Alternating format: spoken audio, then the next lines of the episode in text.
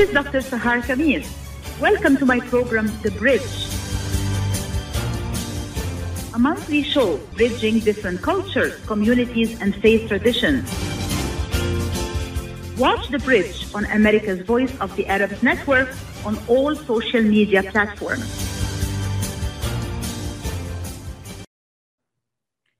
Good morning, everyone, and welcome to another great program on US Arab Radio on my show, The Bridge. Uh, today, we're going to be having a very important and interesting and timely discussion about the most important shifts in political, economic, and social trends in the MENA region, in the Middle East and North Africa, in the post COVID 19 era. And with me this morning discussing this important and timely topic are two experts from Arab Barometer Dr. Abdul Wahab Kayali, who joined Arab Barometer as a senior research specialist in 2018. He is the editor of Arab Pulse, which is the Arab Barometer's qualitative social science blog. He holds a PhD in political science from George Washington University, and he has been doing this kind of work for many years and has wide research and professional expertise on the MENA region. And my second guest is Ms. Salma Al Shami, who is a senior research specialist in Arab Barometer, where she heads the research team and is responsible for methodological design and questionnaire development. She has more than a decade experience in conducting this type of research project throughout the MENA region, and she's an adjunct lecturer, faculty member at Georgetown University. Welcome to the show, and thank you so much for joining us today and joining the audience of The Bridge on US Arab Radio.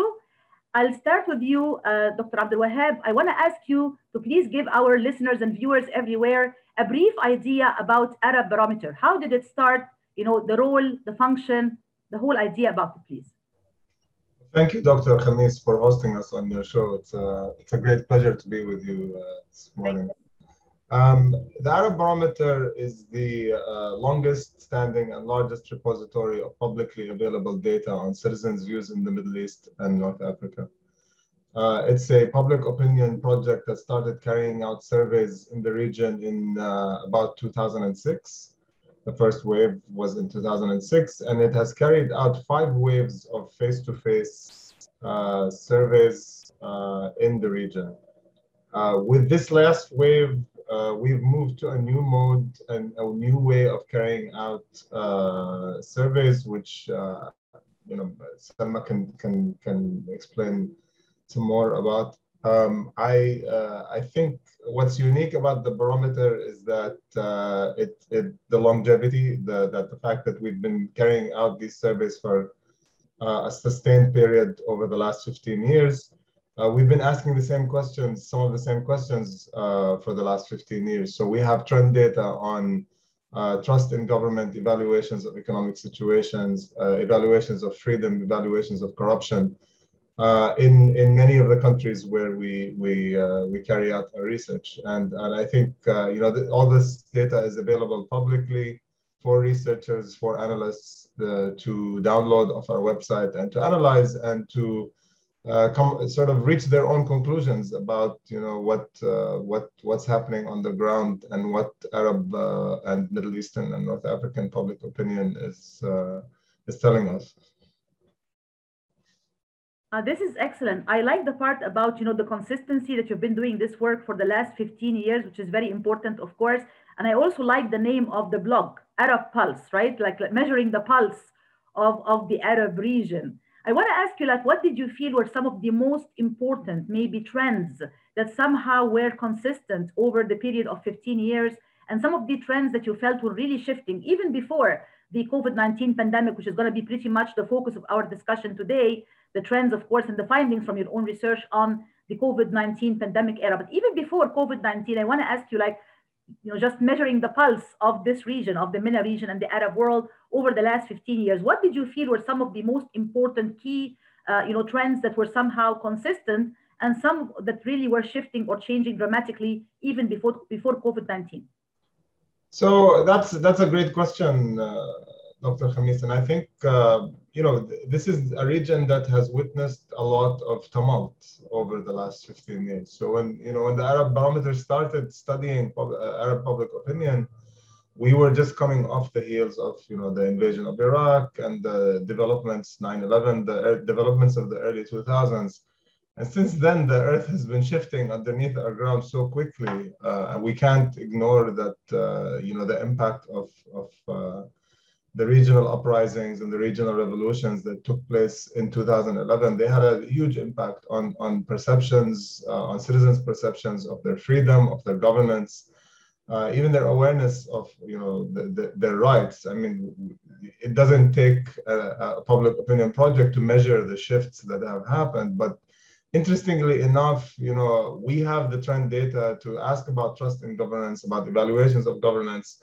Um, in some of the countries, you know, as that as they were witnessing the, the, shifts. So we have data from Egypt in 2013, right before the coup. We have uh, data in Tunisia right after, you know, the fall of Ben Ali. Uh, we have uh, the historical trends, uh, and I mean, uh, you know, the trends are, are going in different directions. But uh, I mean, ultimately, trust in governance has fluctuated a lot, and but is mostly on a downward trend. Uh, the desire to migrate is very high and increasing, um, and um, and that has to do with the situation of, of each of these countries, the economic situation of each of these countries. Um, and, uh, you know, perceptions of freedom are also fluctuating. So we, we, we see that uh, in some countries that we don't consider very free, people have a high perceptions of their freedom. And in others where uh, there are more freedoms, people feel like their freedoms are under attack. Um, and I think, you know, if, if I was to summarize, it's very difficult, of course, to extrapolate like five waves of public opinion we're talking about 70,000 interviews, uh, you know, so it's a huge amount of interviews over the years. It's very hard to extrapolate like three takeaways from them or something like that. So I invite, you know, people who are interested to dig deeper into the data and, and to, to reach their own conclusions really about, about what's going on. Thank you so much, Dr. Abdul Wahab. And uh, Selma, I want to ask you the very same question about the most important shifts and trends uh, uh, Dr. Abdul gave us some idea about, you know, the most important points, like, you know, maybe the Arab uprisings, of course, must have had a huge impact on people's perceptions of many of the issues related to political freedoms and others. Would you like to add something to the most important shifts and trends that maybe were really important and striking during this period of time that Arab Barometer has been, you know, measuring the pulse of the region? Sure, and, and thank you again for having us. Um, so, uh, to, to reiterate uh, uh, what uh, Dr. Abdul Wahab said, um, we have seen an alarming retrenchment of rights.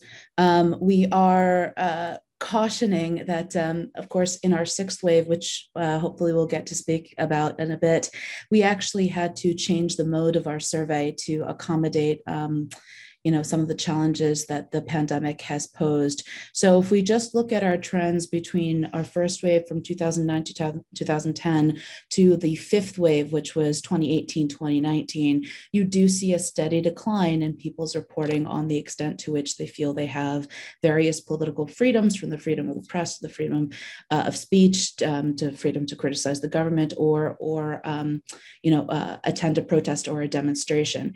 Um, the other uh, trend that I that I would mention, since it is uh, one of your areas of expertise, is actually one that hasn't changed, but one that is notably sticky, and that is um, kind of views on women's rights and roles.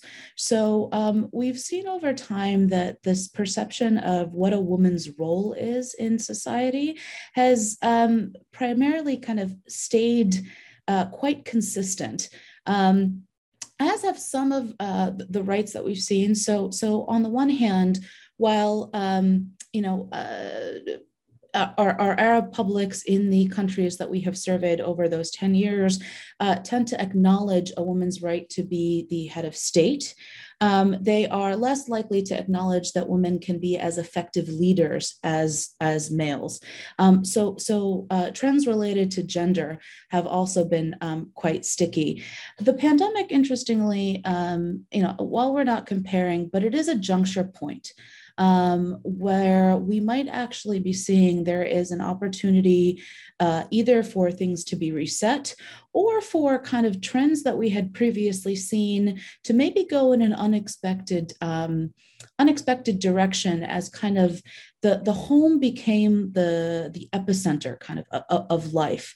And as that happened, uh, different roles started uh, necessarily being allocated in different ways.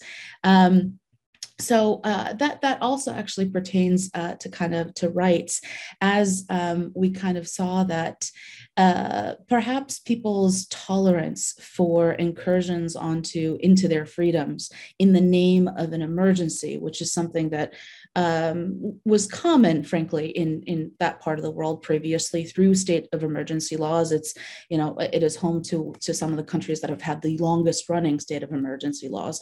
Um, so so that the appetite for that is um, is is certainly decreasing and people are more wary of of these kind of lockdowns and and uh, stay at home orders in the name of this security um, you know that this national security threat which on the one hand is understood but it's like well when does this end? Um, is there a cutoff date for it?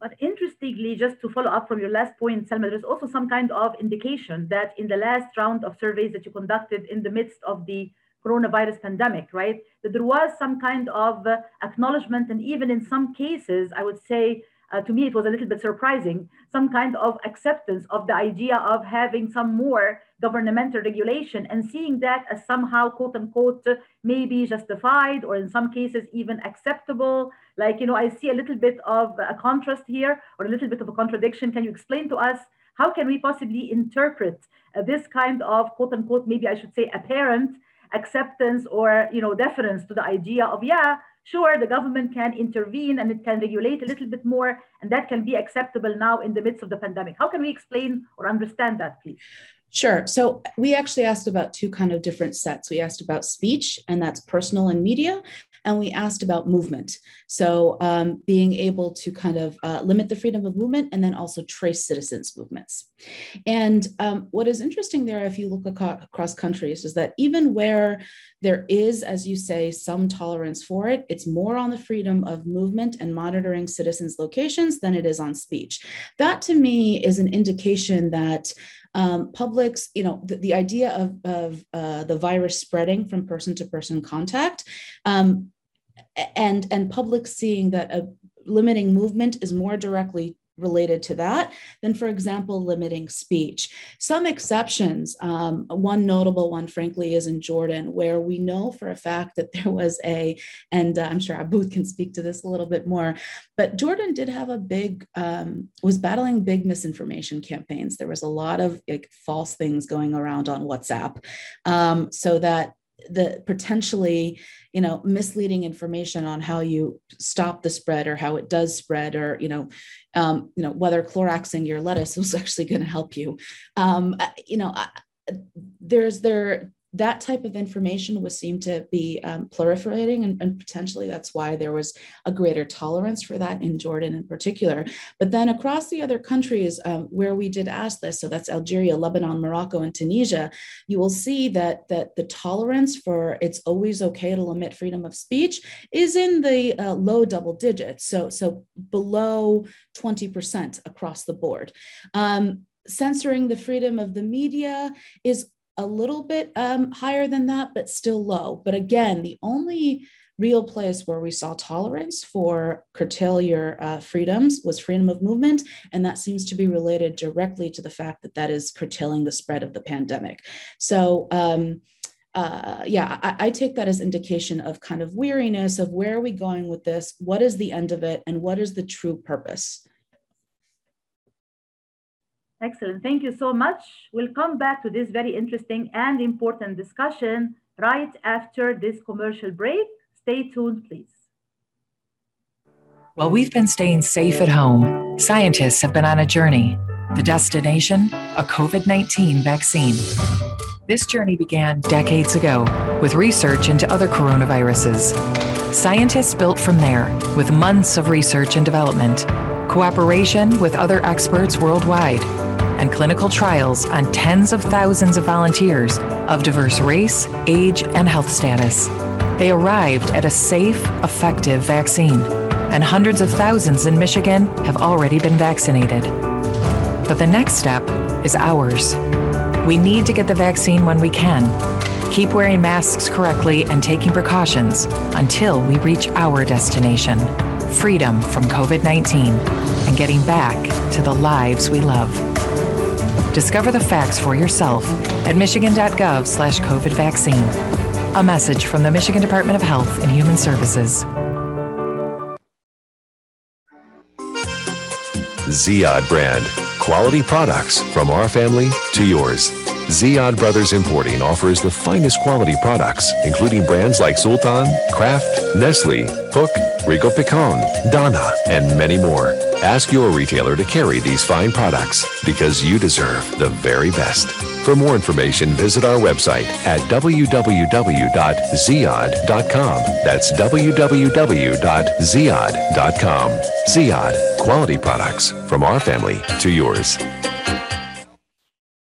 When it comes to reproductive medicine, IVF Michigan Fertility Centers are the recognized leaders. With locations in Bloomfield Hills and five other cities in Michigan and Ohio, IVF has experts in all aspects of the field. As a founding member of IVF Michigan Fertility Centers, Dr. Nicholas Shama is one of the leading reproductive endocrinologists in Michigan and Ohio. Dr. Shama has performed over 10,000 IVF cases and has helped thousands of couples fulfill their dreams of parenthood. American board certified in both obstetrics and gynecology and reproductive endocrinology and infertility, Dr. Nicholas Shama is a very caring, compassionate, expert physician that understands not only the medical but also the emotional toil of infertility on his patients. When it's time, get personalized care from Dr. Nicholas Shama at IVF Michigan Fertility Centers in Michigan and Ohio. Call toll free 855 952 9600. 855 952 9600.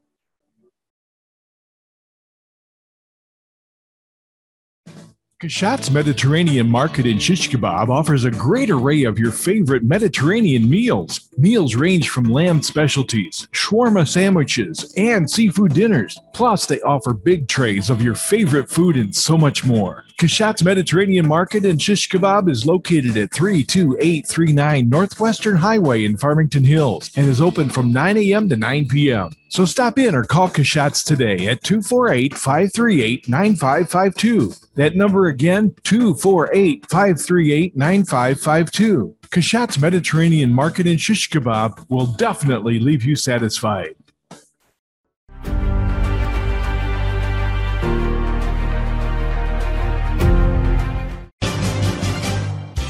This is Dr. Sahar Khamis. Welcome to my program, The Bridge. A monthly show bridging different cultures, communities, and faith traditions. Watch The Bridge on America's Voice of the Arabs Network on all social media platforms. Welcome back to the show, everyone. This is your host, Dr. Sahar Khamis, and we're talking today about a very, very important and timely topic the most important shifts in political, economic, and social trends in the MENA region, the Middle East, and North Africa in the post pandemic era. And with me this morning discussing this important topic are Dr. Abdul Wahab Kayali and Ms. Salma Shami from Arab Barometer.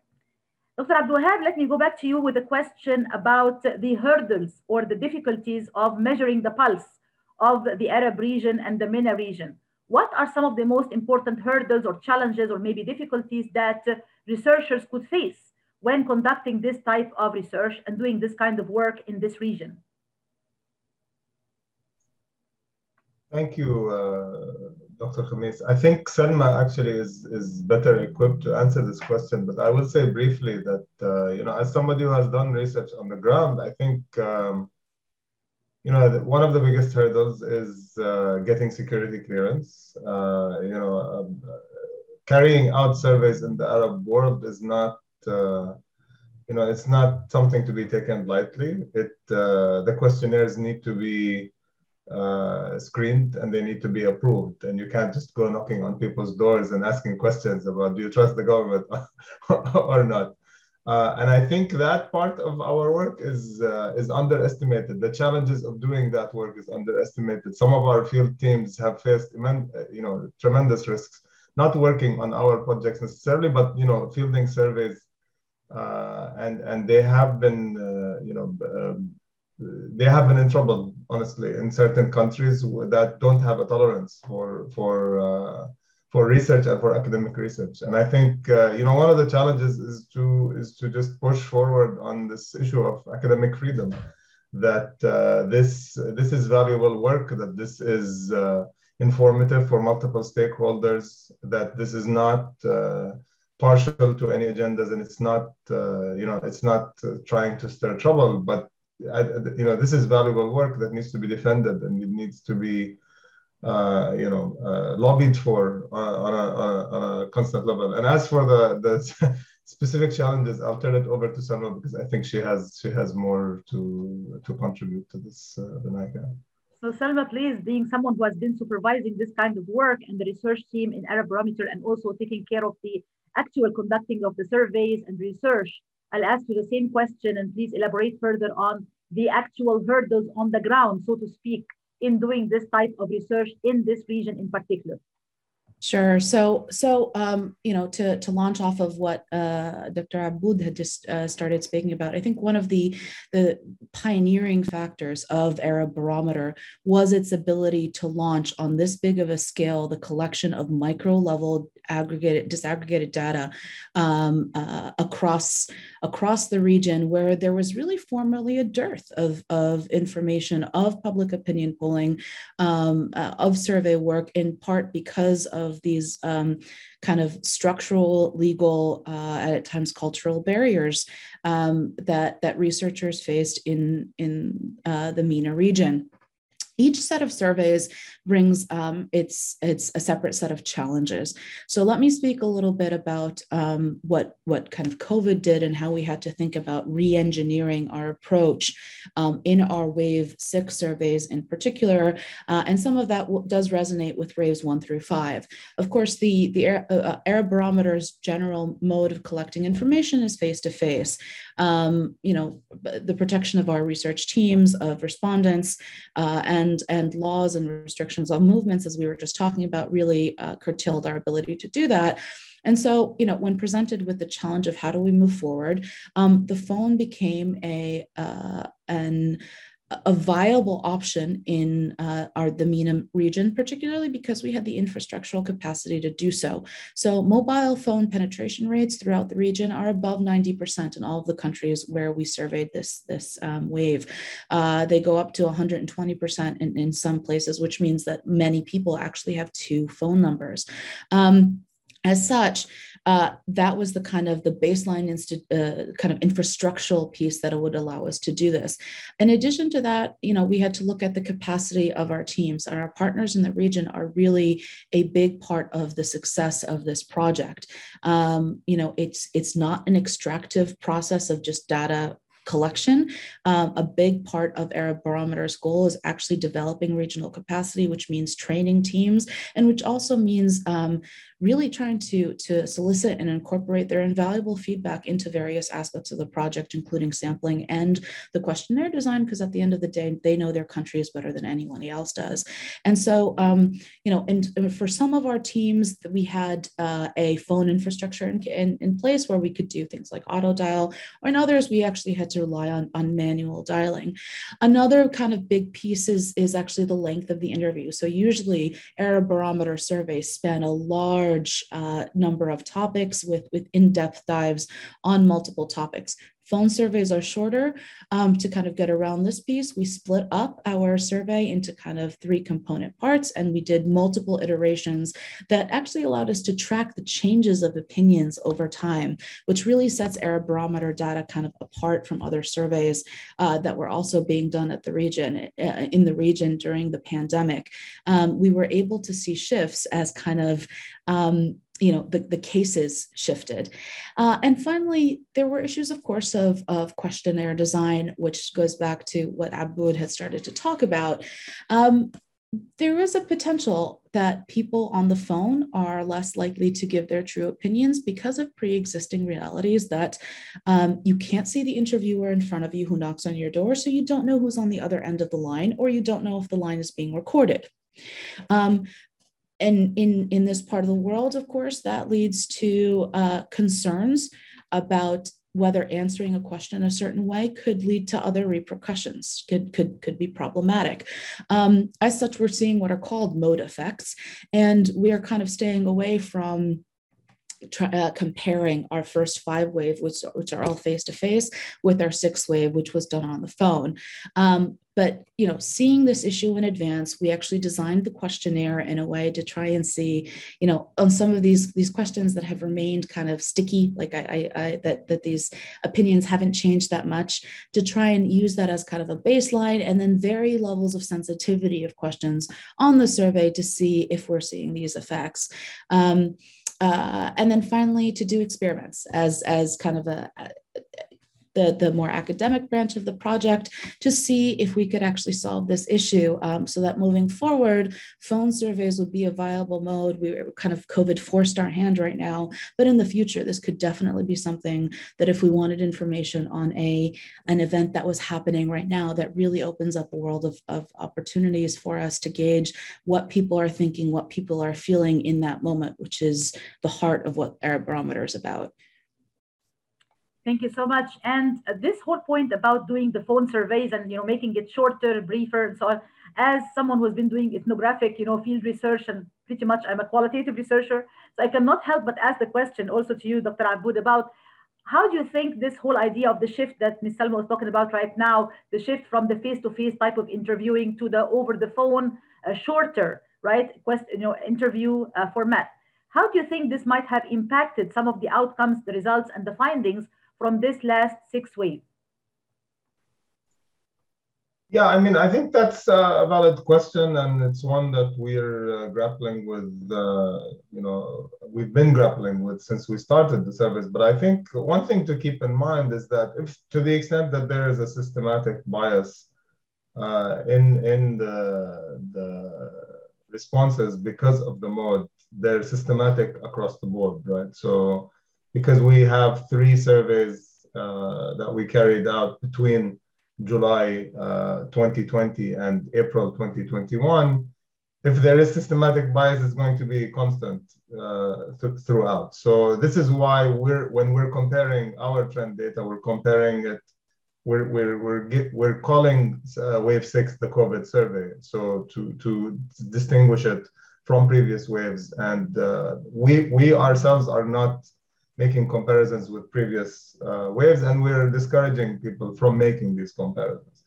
Um, but I mean, also, I think what's important to to to note is that uh, you know COVID was was a global disruption, and it disrupted everybody's work, and we were faced with the choice of having uh, a survey uh, you know, with a different mode despite the challenges or having no survey at all. So like the choice was between having data or no data. And for us, you know, it's always more valuable to have data regardless of, you know, whatever uh, shortcomings the mode will have. Um, and I think I mentioned this the other day on the panel that you and I shared, uh, Dr. Khamis. Uh, there are there have been internal uh, surveys that are carried out in these different countries individually. Uh, I think Arab Barometer's competitive edge or what Arab Barometer's value is, is that it provides comparisons between different countries. So we ask the same questions, almost we ask the same questions to, to all the countries where we field. Um, there are surveys that are carried out in these countries by research centers that are just dedicated towards, you know, researching these countries, Morocco, Tunisia, Jordan, etc and the internal measures are sort of uh, you know in line with our findings which which helps us uh, you know which helps us actually like bolster our confidence that we, we are measuring uh, what we are measuring is not biased that the you know to the, to the or if it's biased it's biased for both of us right? You know so it's systematic um, and uh, and and that bolsters our validity. It gives us our you know it bolsters our our our, our confidence in, in our findings. Um, it's a challenge, but it's a challenge that you know we can we can work around, and I think uh, you know people people should keep that in mind that the choice is uh, you know either this data or no data, and for us it was an easy choice.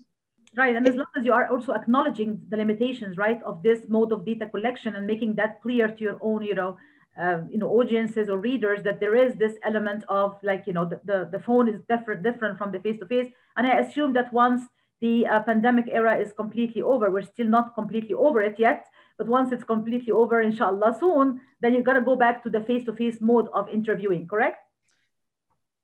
Yeah. Yes, inshallah. Can I just jump in on one thing that Abud had started to say, which is that um, you know what uh, one of the things that also kind of gave us confidence um, in in what we're seeing is that there were structural and legal changes that were happening at the same time, and our our trends go along with that. So, for example, if you look at the degree of concern over the spread of COVID nineteen against the number of cases uh, in uh, that that were being tracked kind of independently, um, our numbers make sense. If you look at um, kind of satisfaction with government response and the various uh, health related policies, or for example, monetary policies of relief, our data kind of makes sense against these independent markers. So, so there aren't things that are, um, you, you know, so so for our COVID questions in particular, um, despite the challenges that that uh, the phone surveys posed, um, we are seeing that that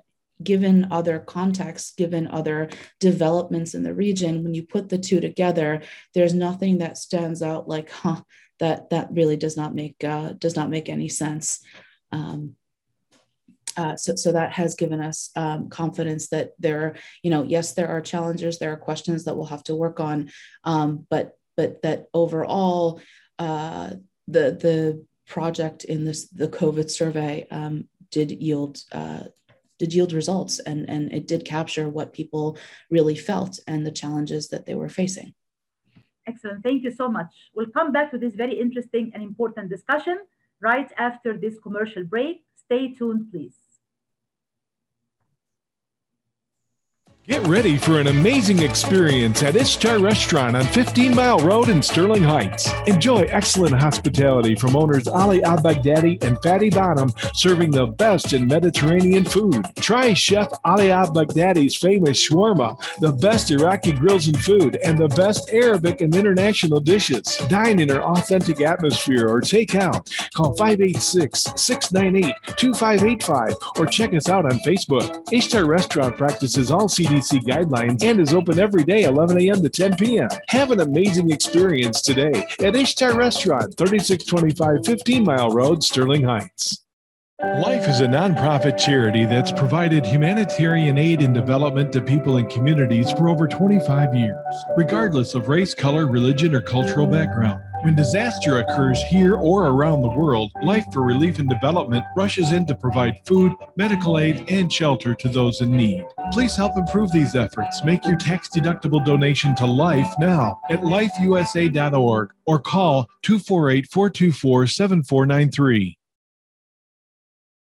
Enjoy the first Syrian style cuisine in Michigan. At Damas Cuisine and Catering, you'll find a wide selection of Syrian foods and sweets in our menu, like frikeh, hoisin, grape leaves with steak, mashawi platter, hot mahashi, char grilled kebab, shawarma, and much more. Get super fast delivery from Damas Cuisine and Catering right to your door. Order online at damascuisine.com forward slash menu and track your order live. Damas Cuisine and Catering, 28841 Orchard Lake Road in Farmington Hills. Call 248 987 4985.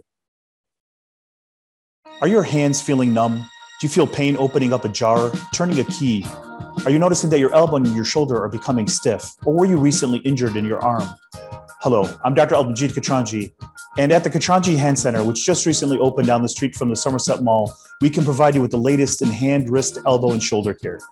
Visit us at www.katranjihandcenter.com to learn the latest techniques that we have to offer you, and I look forward to taking care of you. Visit us in Troy at 1565 West Big Beaver Road, Building F, or call Katranji Hand Center for an appointment at 248 869 4263. That's 248 869 4263.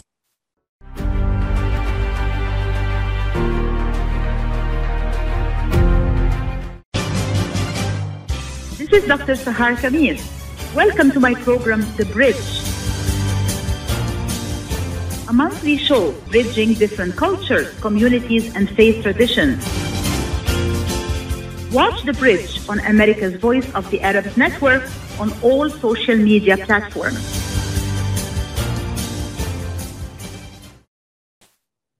Welcome back to the show, everyone. We're discussing today a very important and timely topic the shifts in political, economic, and social trends in the Middle East and North Africa in the pandemic era, the COVID 19 pandemic era.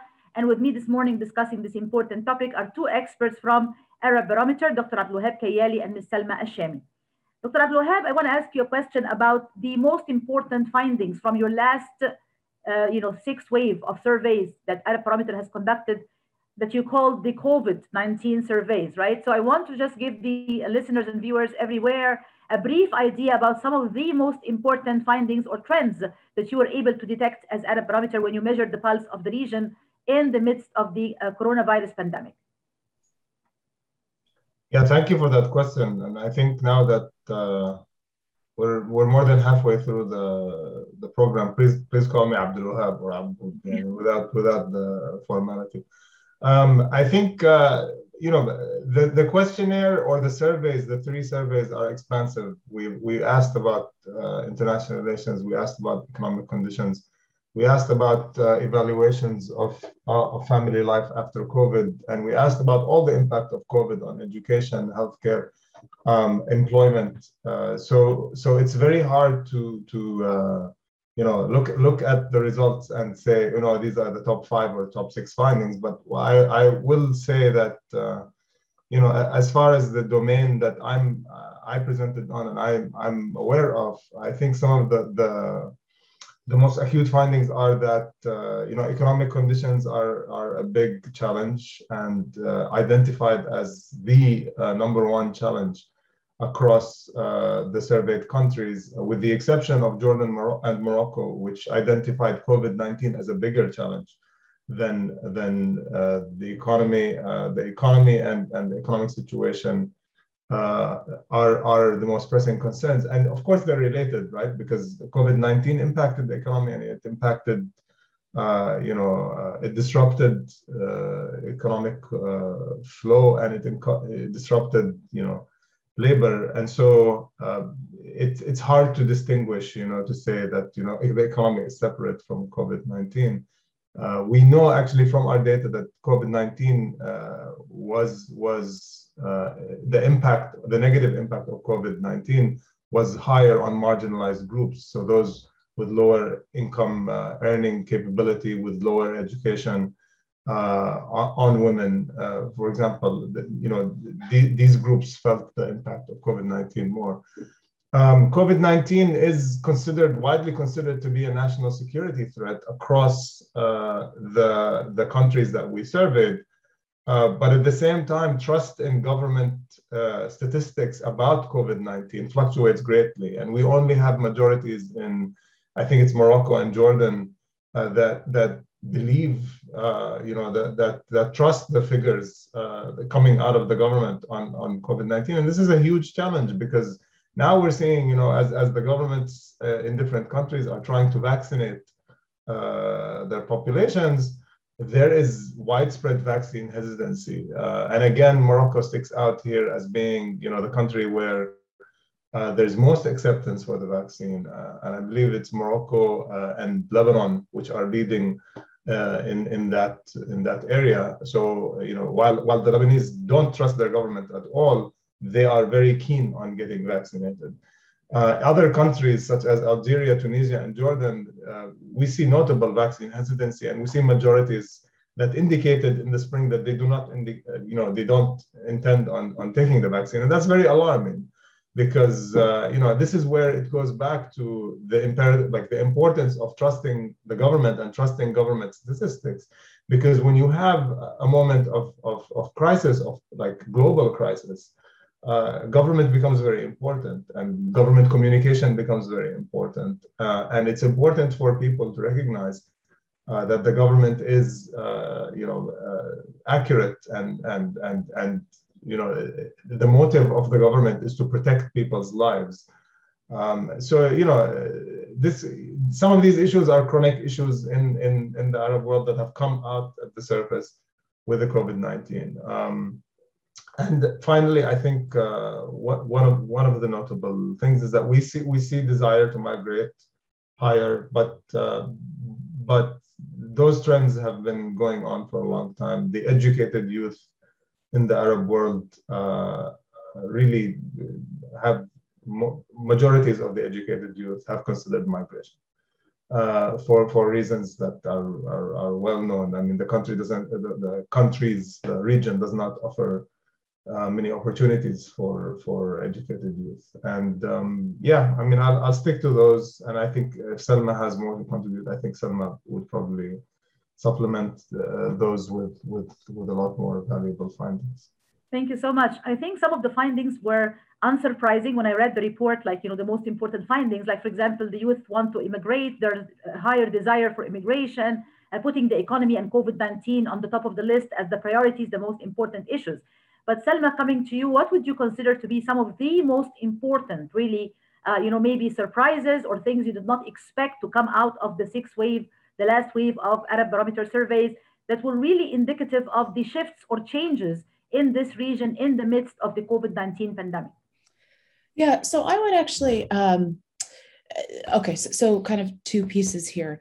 Um, one is that you know going into this wave one of the things that we were thinking about is is what is covid you know um, exacerbating it's basically gaslighting what was already there and making worse what is it uh, causing uh, by what problems is it causing kind of independent of the past?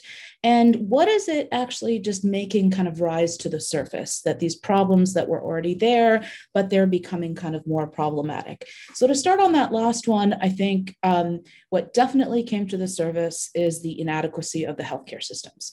We had previously seen general satisfaction with healthcare general satisfaction also with education and um, uh, kind of COVID to some extent opened up the black box of really how um, precarious the conditions of both of these institutions were, either because in many cases the uh, healthcare system was staffed by foreigners uh, who simply fled countries once the pandemic started, or because um, there was serious atrophy in, in the major institutions in terms of the amount, uh, the availability of supplies, in terms of um, you know the amount of money that was that was being pumped into them previously.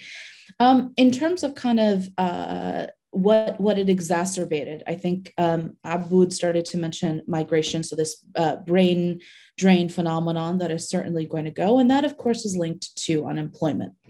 Um, and uh, an economy that simply cannot handle the um, the number of people who are looking for jobs. And we see that in our data when asked what is the first you know what, what is the main thing that the government should be doing to address the economic conditions in the country and across the board most people say it's to create new jobs. If you look at who is saying that it tends to be the people who are between 18 and 29 years old. Um, so so you know um, of course unemployment was always a problem uh, in, in, the region long before the covid pandemic hit. This has not made it any better. This has exacerbated the problem. And in terms of what it's kind of brought about one of the trends that um, i think has been most notable across the board is the um, we are seeing some really uh, strong gender divides um, a, a, across a whole battery of questions. Gender divides, of course, were always things that that um, we had seen in various parts, but nothing um, I would say is consistent as as we've seen in this sixth wave. So, uh, by way of example, um, again, over time, women have been more concerned over the spread of COVID nineteen than men. That um, has continued to be the case in all but basically one or sorry two countries where the gap closed between July 2020 and April 2021. Um, women also tend to be more concerned. The reason that they're more concerned uh, tends to be because they, they fear the death or illness of a family member. Um, which you know not only that that is the uh, overall reason for why everybody's afraid so there's a human toll there's a human cost to covid that is still being felt but the other side of that is as the caretakers of the uh, of the home it is on women to kind of take care of um, uh, you know anyone who falls ill that that is their domain and so there's additional pressure uh, on women there so i mean so to kind of look across those three and I, I would add one more which is kind of looking and launching us into um, ab ab7 which as you said inshallah will, will launch face to face in the in the fall um, in several of the countries where we were surveying, we kind of uh, have protest interrupted moments. Um, and uh, you know, one of the um, one of the questions that that uh, we ask is, you know, what citizens believe are the biggest challenges faced by COVID, and the interruption of the political challenge is not one of the biggest ones.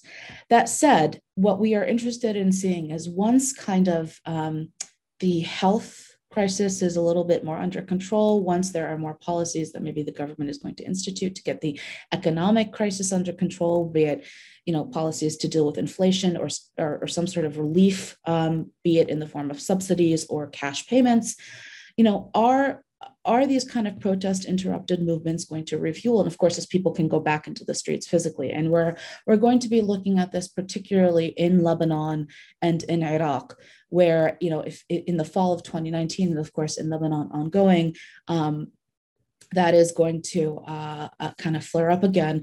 Libya is also going to be an interesting place to keep an eye on as Libya, for the first time, has formed a unitary government. Um, so, in the middle of our surveys, we were no longer asking about two separate governments. We're asking about one unitary, uh, transitional one that will eventually, hopefully, have elections later this year. Um, so, uh, so kind of how those three contexts are going to emerge out of COVID. Absolutely, these are all very important points to monitor definitely in future also Arab barometer surveys in the post COVID-19 era. And I'm very glad you brought up the point about, of course, the gender uh, divide and the gender gap, which is very important for women in this part of the world, the Middle East and North Africa. Uh, in the Arab world, we see all of these gender disparities that became even worse in the midst of the COVID-19 pandemic, with women being, you know, as we always say, the hardest to hire and the easiest to fire when it comes to the economy, disparities in income, uh, in healthcare access, in education, and the high illiteracy rates, of course, among women uh, in the region, and lack of access to technology and to online education. All of that only got worse with the COVID 19 pandemic, and I'm sure your data reflects that.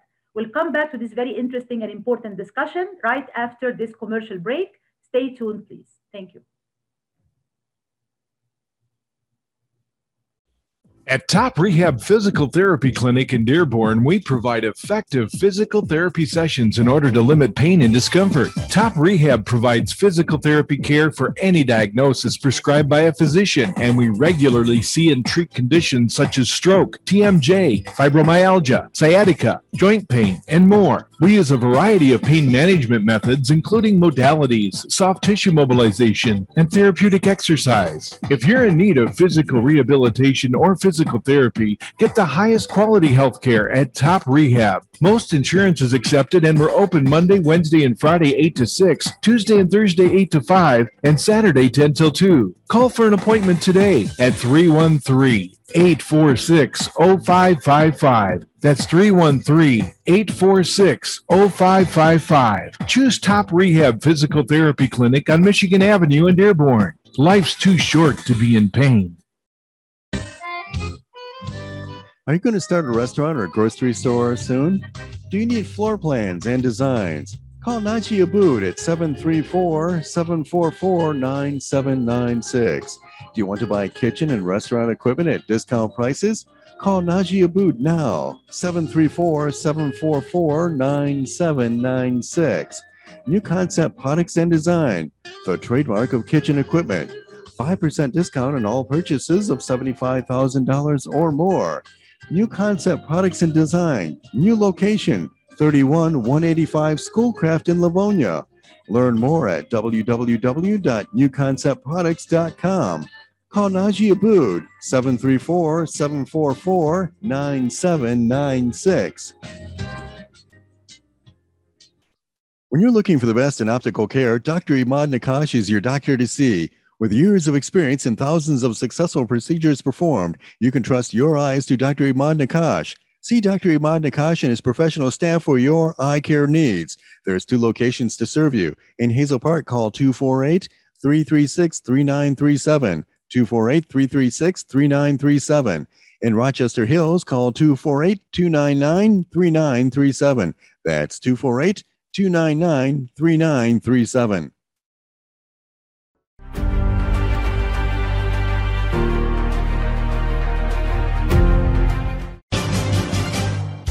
This is Dr. Sahar Khamis.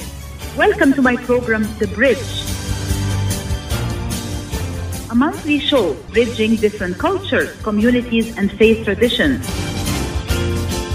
Watch The Bridge on America's Voice of the Arabs Network on all social media platforms.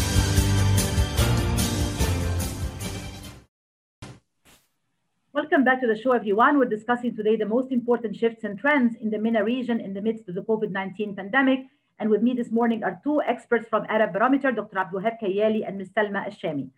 Uh, Abdulwahab, I want to come to you with a question about the uh, social media aspect. Of course, as a communication scholar, I cannot help but ask the question. Your data shows that uh, there is a big reliance on uh, social media uh, in this part of the world, especially in the midst of the COVID 19 pandemic. But we cannot assume that everyone has access to 24 7 high speed internet everywhere because this is simply not the case. So, can you tell us briefly, since we just have 10 minutes left in the program, unfortunately, as they say, good times fly quickly, if you can just tell us briefly uh, the impact of these types of uh, access disparities in the region on people's findings, the most important results that came out from the a sixth wave of the Arab Barometer survey?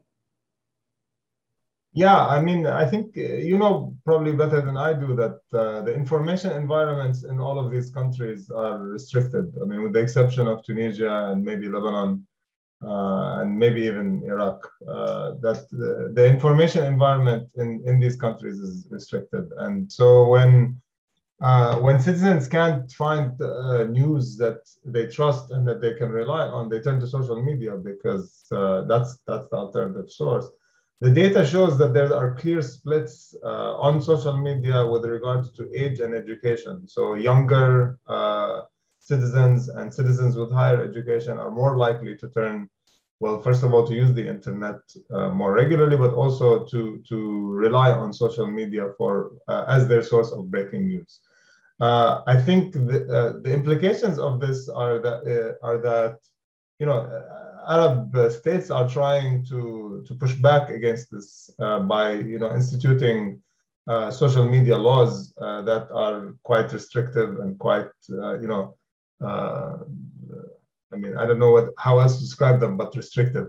Um, you know, social media, you know, قانون الجرائم الإلكترونية, for example, like electronic crimes uh, laws yeah. in different countries. The cybercrime. Uh, yeah, I think I think uh, the response has to be a bit more sophisticated. There, there is no way to control social media. There is no way to police it. There is no way to. I mean, this is a losing battle. Uh, you know, governments are trying to fight a battle with technology, and the only way to to uh, to sort of manage uh, the disinformation that goes on social media is to become more transparent and is to you know release uh, the information from the sources and to foster a culture of uh, a free press. Uh, I don't think any you know the, the, the trends are not encouraging in, in, in, that aspect, and in fact we're seeing you know decline in press freedoms. Uh, in Morocco, there are three journalists that are, are, are uh, uh, imprisoned now for for for their you know for their controversial views Taoufik Bouachrine, Soulaimane Raissouni, and Omar Radi. And these these are all you know journalists that are being harassed by the government due to their political positions. Uh, Jordan has witnessed a massive uh, decline in, in the freedom of the press. Uh, so so the trends are not encouraging, um, but this is a losing battle. You cannot police technology. You cannot police social media. So uh, you know, decision makers need to develop a more sophisticated approach towards uh, towards managing uh, the information environment of their countries. And I would say one of the challenges here is definitely that the governments want to crack down further, like you said, more restrictive measures, more restrictions on freedom of the press and freedom of the media, and even you know cybercrime laws, which restrict the type of communication on social media under the mantle of protecting people from misinformation and disinformation. But let's just bear in mind also that even this reliance on social media that your survey data shows is not also available across the board to everyone in every country across the board because you have people in rural areas, remote areas, the marginalized groups, women, those who are illiterate, those who don't have digital literacy skills, they have much less access as well to technology and to means of communication. And Salma, I'll come to you with a question about satisfaction with governments, the level of satisfaction that we have seen. If you can uh, just briefly tell our uh, listeners and viewers the countries that were actually surveyed in uh, the Arab Barometer survey and the level of satisfaction or dissatisfaction with the governments? Uh, briefly, please. Sure. So uh, in our sixth wave, we have uh, thus far included um, uh, seven countries, uh, and those are Algeria, Morocco, Tunisia, uh, Libya, Lebanon, Jordan, and Iraq. Um, uh, those were in our fourth survey of the sixth wave. Iraq was the was the addition there, um, and and government satisfaction has fluctuated over time, primarily as a function of kind of response to the healthcare crisis and response to the um, economic crisis in Morocco, where government satisfaction with COVID and overall government satisfaction is high. Satisfaction with COVID is at 86% in Morocco. We see two trends that, that underpin that. First of all, there's a massive vaccination ca- uh, campaign going on. About 9.5 million uh, Moroccans have had at least one shot um, and that that surpasses the rest of the Arab world. Second of all, um, Morocco is the only uh, uh, country that was surveyed where um, a significant uh, population, a significant portion of the population, said they got any type of relief aid from the government. Um, so 49% of Moroccans uh, report receiving some sort of aid. Of those 49%, 41% say they got some sort of cash payment. Um, that has helped uh, uh, kind of that's 86% satisfaction with COVID response in, in Morocco. Um, the other end of that, of course, is a, is a place like Lebanon, where it's it's extremely low. Of course, in Lebanon, you have crisis after crisis. You've got compounding crises. The, the inflation rate right now is at 157.5%, which is up from 17.5% in March of 2020. Um, you know, it's it's the third most indebted country in the world. Uh, the, the, the healthcare system is completely falling apart, and they have massive brain drain phenomenons as they do in Libya, where they're, they're just not the facilities. Um, so, uh, you know, the people's response to the government right now is directly a response to what the government is or in many cases is not doing. And and again i think like Aboud mentioned there were already problems with corruption. There were already problems with with the economy. And this you know covid just gaslit all of those. So in that sense it is a completely unsurprising to see that on the trajectories that the governments are right now even though it's not necessarily too late to reverse course but government satisfaction is not going to rise if these um, if these key aspects of life are not addressed Absolutely. And we can also say that in many cases, COVID 19 did not create many of these problems. It just made them worse, right? Exacerbated or magnified some of the already existing uh, problems. Uh, we just have like two minutes left in the program. So, Abdul Wahab, very quickly, you mentioned something about the difficulty in getting security clearances and you know difficulty in doing this type of uh, work on the ground in the Arab world. Did that affect directly your selection of these particular countries as the sites of your last uh, surveys? in Arab Barometer? No, no, not at all. I mean, uh, we we survey the countries that we are able to, as you know, by um, if that we manage to get the funding to to survey. I think the funding is the key piece of uh, of uh, carrying out our service. Of course, there are countries that are more difficult to penetrate than others. So the Emirates, Saudi Arabia, uh, the Gulf region entire in its entirely is not as easy to penetrate as North Africa, for example. But the countries that we chose uh, are, are a function of the funding. And you know if we get more funding we'll survey more countries. Excellent. And with that i'm afraid that's all we have time for for today. Thank you so much to our excellent guests dr abdulwahab kayali and ms salma ashami from arab barometer for this great insight. I'm sure we're going to have you back again uh, on the show on the bridge in the future uh, inshallah. And thanks so much to all our listeners and viewers everywhere. Thank you. Take care and goodbye